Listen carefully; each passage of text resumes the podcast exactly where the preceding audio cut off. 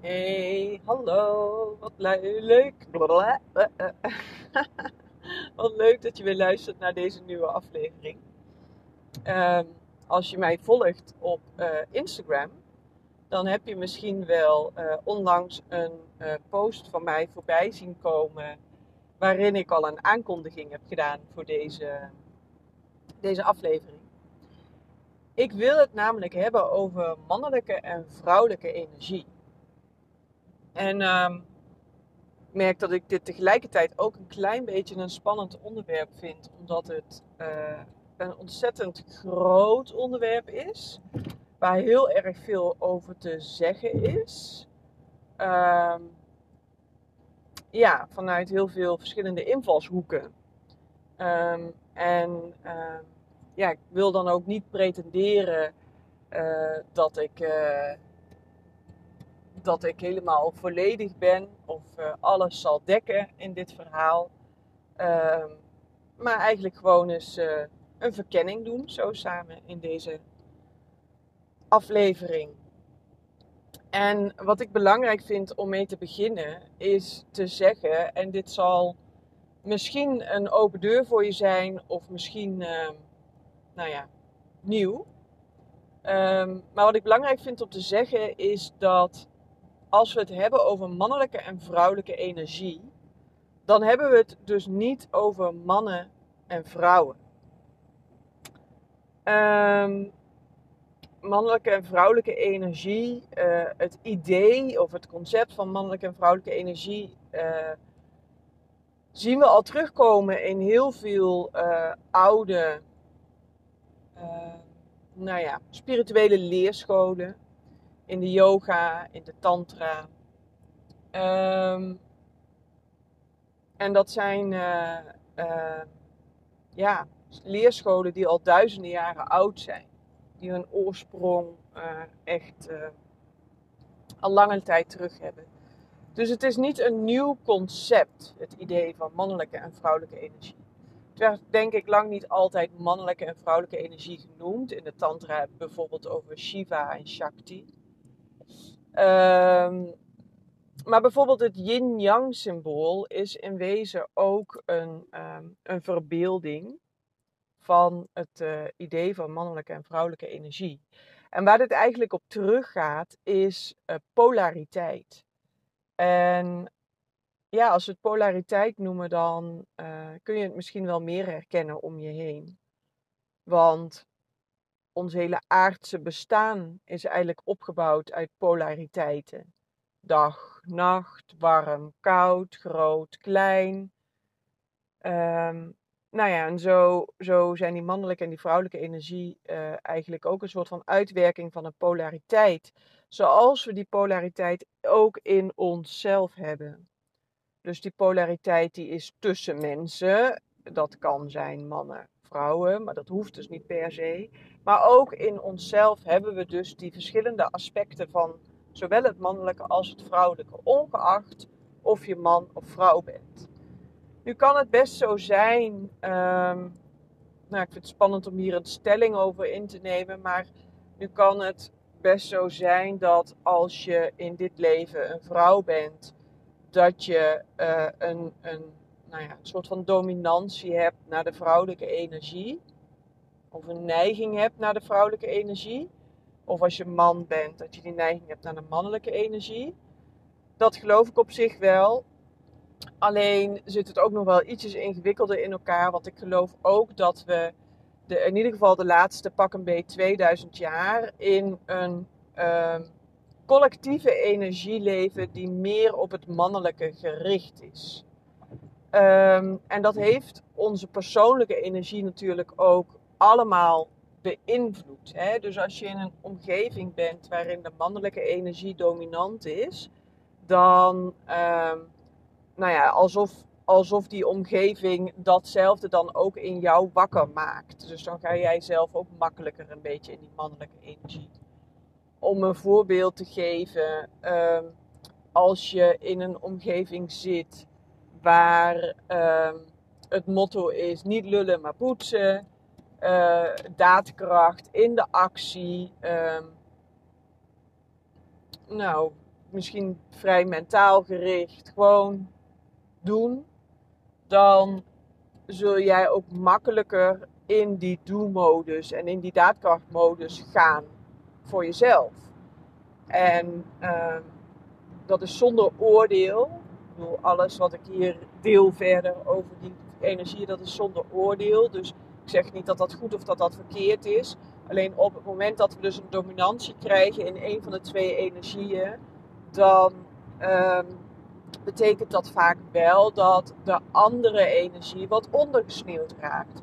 Dus op het moment dat je in een omgeving zit waarin de mannelijke energie heel erg dominant is, dan kan het zomaar zijn dat aspecten van de vrouwelijke energie wat ondergesneeuwd raken. En dat kan dan bijvoorbeeld zijn het contact met je gevoelens en je emoties, uh, een stukje overgave, een stukje rust.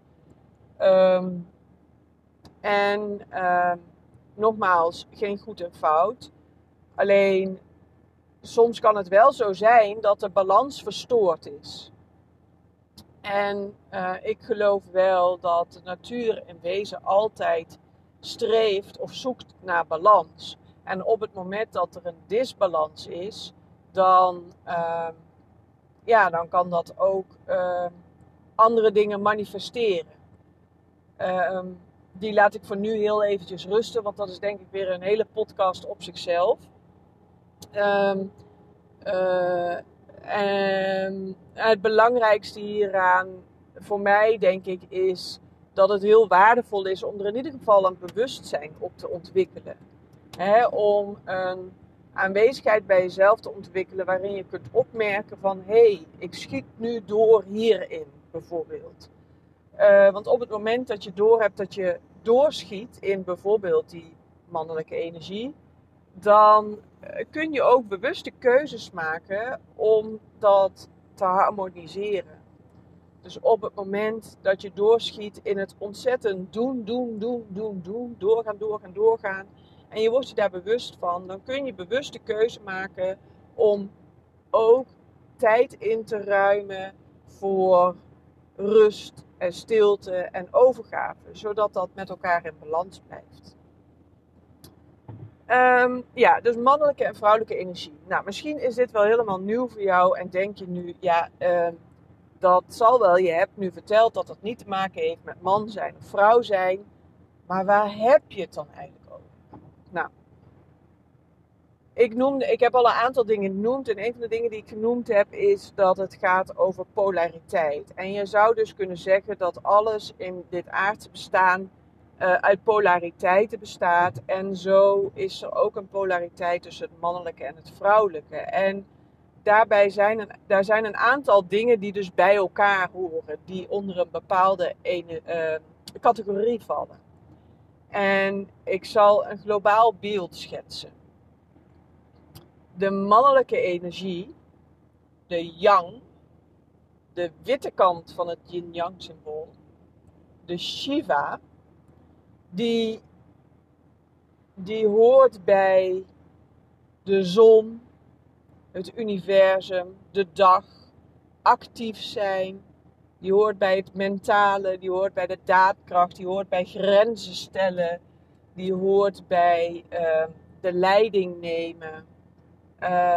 Die hoort bij een container zijn. Uh, ja, even kijken welke, welke nog meer. Ja, dat, dat zijn kenmerken van de mannelijke energie.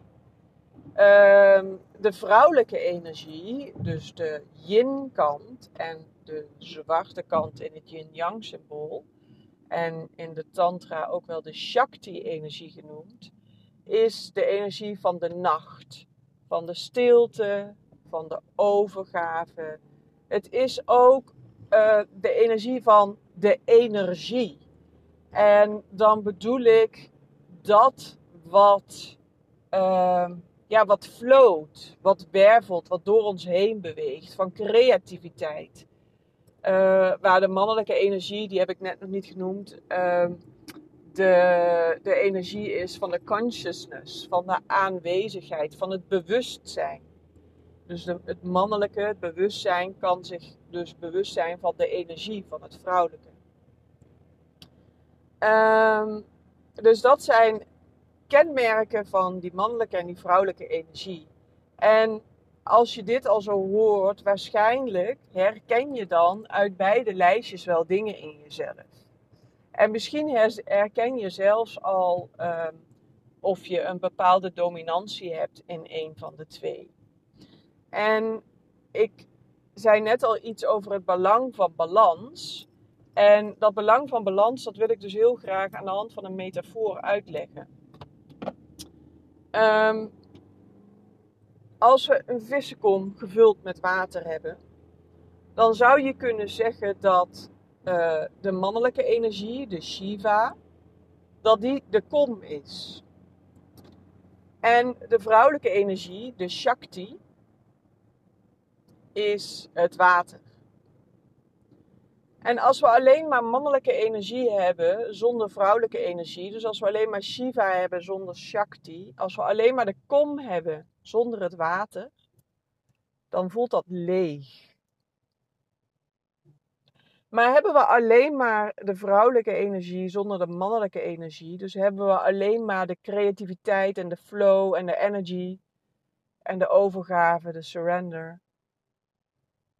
En hebben we niet de container en de grenzen en de stevigheid en de aarding? Hebben we niet het bewustzijn? Hebben we Shakti zonder Shiva? Hebben we het vrouwelijke zonder het mannelijke? Dan is dat all over the place. Dan is dat niet contained. Dan heeft het geen samenhang. Dan is het niet grijpbaar. Dus dit beeld vind ik altijd zelf heel erg krachtig om te laten zien hoe Shiva en Shakti, hoe het mannelijke en het vrouwelijke, hoe ze elkaar nodig hebben. Uh, hoe ze een aanvulling op elkaar zijn.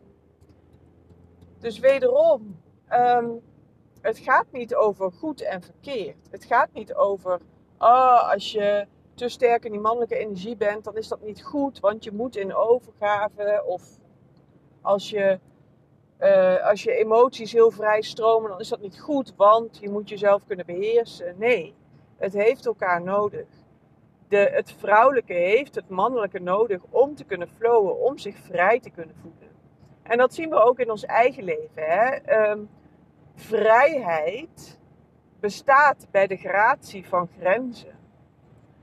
Um, um, ja, ik wilde een voorbeeld geven van ik, er kwam een chocoladetaart in me op.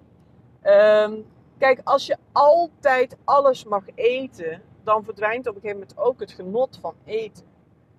En op het moment dat we onszelf begrenzen in wat we mogen eten of hoeveel we mogen eten, dan kunnen we er ook veel meer van genieten.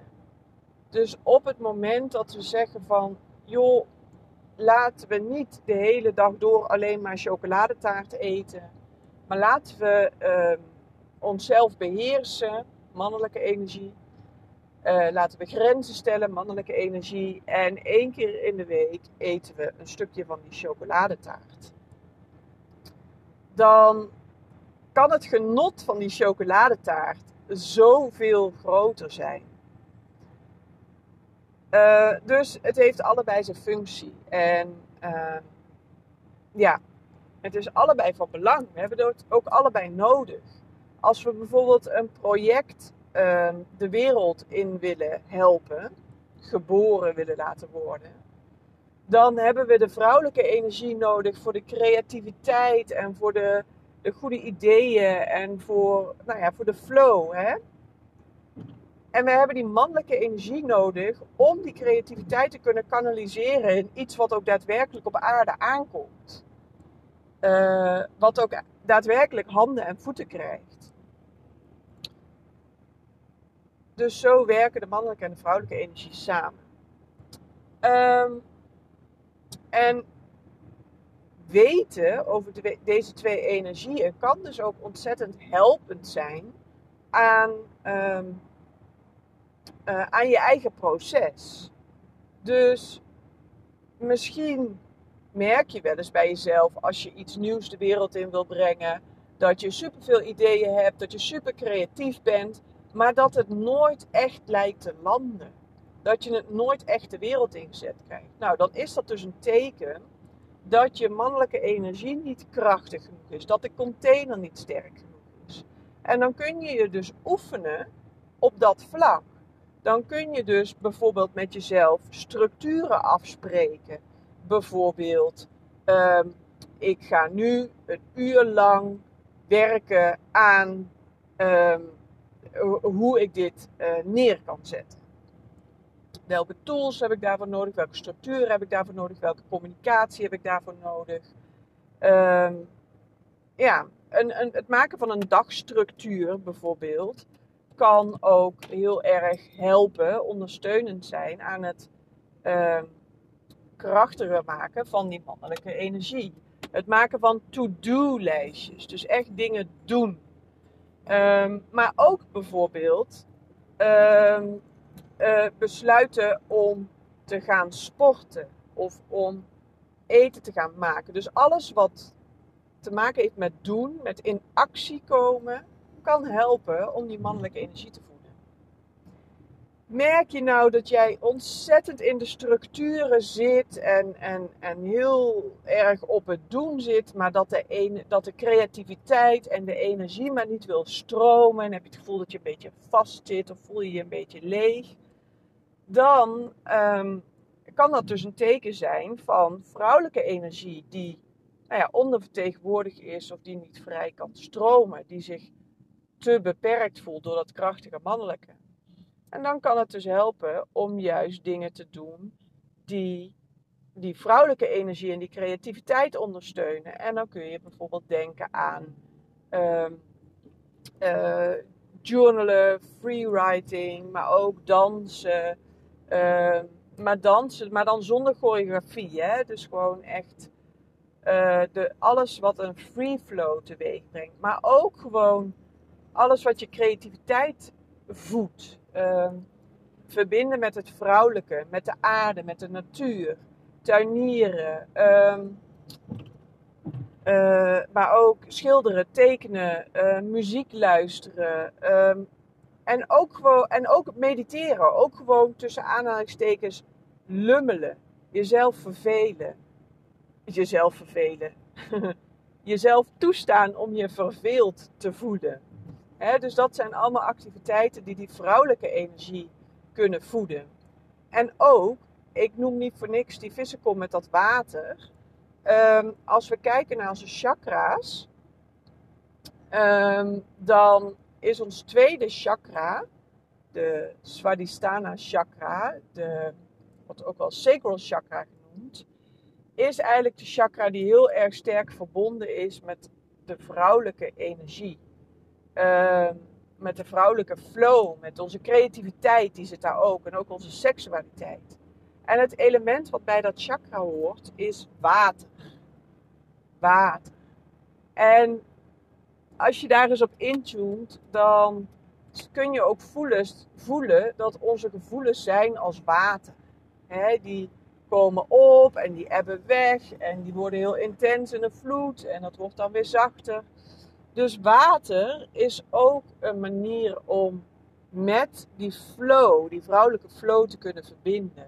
Dus neem een bad, ga onder de douche, uh, drink veel water drink veel water. Nou, dat zijn allemaal manieren om die vrouwelijke energie te ondersteunen. Um,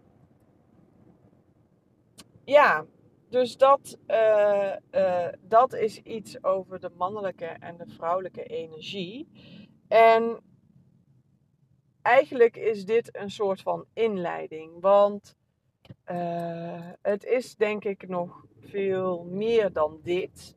Ik geloof namelijk ook dat de mannelijke en de vrouwelijke energie in ons op een gezonde manier of op een minder gezonde manier kunnen functioneren. Dat wordt ook wel eens het hart, de hartgedragen energie of de ego-gedragen energie genoemd. Um, en daar ga ik een deel 2 over opnemen, want dat, uh, dat is een heel onderwerp op zich. Maar om dat heel kort in te leiden, je zou het zo kunnen zien dat, ehm, dat, het, dat het over twee assen gaat. Hè? Dus als je een kruis tekent, dan heb je over de horizontale lijn heb je het mannelijke en het vrouwelijke. En op de verticale lijn heb je boven het gezonde, de hardgedragen energie. En onder heb je de uh, meer ego-gedragen energie. En dan ontstaan er dus vier vakken. Dus je hebt een gezond vrouwelijk en een, en een ongezond ego-gedragen vrouwelijk. En je hebt een gezond mannelijk en een ego-gedragen mannelijk. En dat werkt allemaal weer op elkaar in. Um, maar daarover ga ik dus een deel 2 opnemen. Voor nu alvast heel erg bedankt voor het luisteren. Ik ben heel erg benieuwd uh, of jij je kunt herkennen in die mannelijke en die vrouwelijke energie. Of je ooit op die manier over energie en over jezelf nagedacht hebt. Of je kunt voelen welke energie bij jou dominant is. Wat ook niet een vast gegeven is overigens. Hè? Um, er zijn momenten dat mijn mannelijke energie heel erg dominant is. Uh, oh, het voorbeeld wat nu bij mij opkomt, als ik bijvoorbeeld um, mijn oudste dochter, die, uh, die fietst al zelf, uh, maar nou ja, is nog niet helemaal zelfstandig in het verkeer. Dus als ik dan met haar in het verkeer ben, dan is mijn mannelijke energie is dominant. Hè? Ik ben uh, alert, ik ben aanwezig, ik stel grenzen. Uh, ik ben daadkrachtig. Als er een situatie ontstaat die potentieel gevaarlijk is, dan handel ik daar direct op. Um, en ik zit dan iets minder in uh, mijn creatieve flow en overgave en, en laten ontstaan wat wil ontstaan. Dat wil helemaal niet zeggen dat ik in zijn volledigheid een dominantie heb op mijn mannelijke energie. Want uh, tien minuten later kan ik uh, in een meditatie zitten of kan ik in een ander creatief proces zitten waarin die vrouwelijke energie weer dominanter is. Dus het is geen gefixeerd gegeven. Het is gewoon interessant om voor jezelf eens na te gaan van hey, kan ik dit in mezelf herkennen en hoe staat het nu in dit moment met mijn energiebalans? En misschien kun je ook wel in een meer algemeenheid iets zeggen. Hè? Want het kan natuurlijk best zo zijn dat als je over een breder spectrum van je leven kijkt, dat, uh, dat een bepaalde energie dominanter aanwezig is. Nou, um, ja, nogmaals, ik ben heel benieuwd. Uh, wat, uh, wat je ideeën en je observaties hierbij zijn. En ik vind het natuurlijk super leuk als je me dat wil laten weten. En er volgt heel snel een deel 2. Bedankt voor het luisteren en een hele mooie dag gewenst.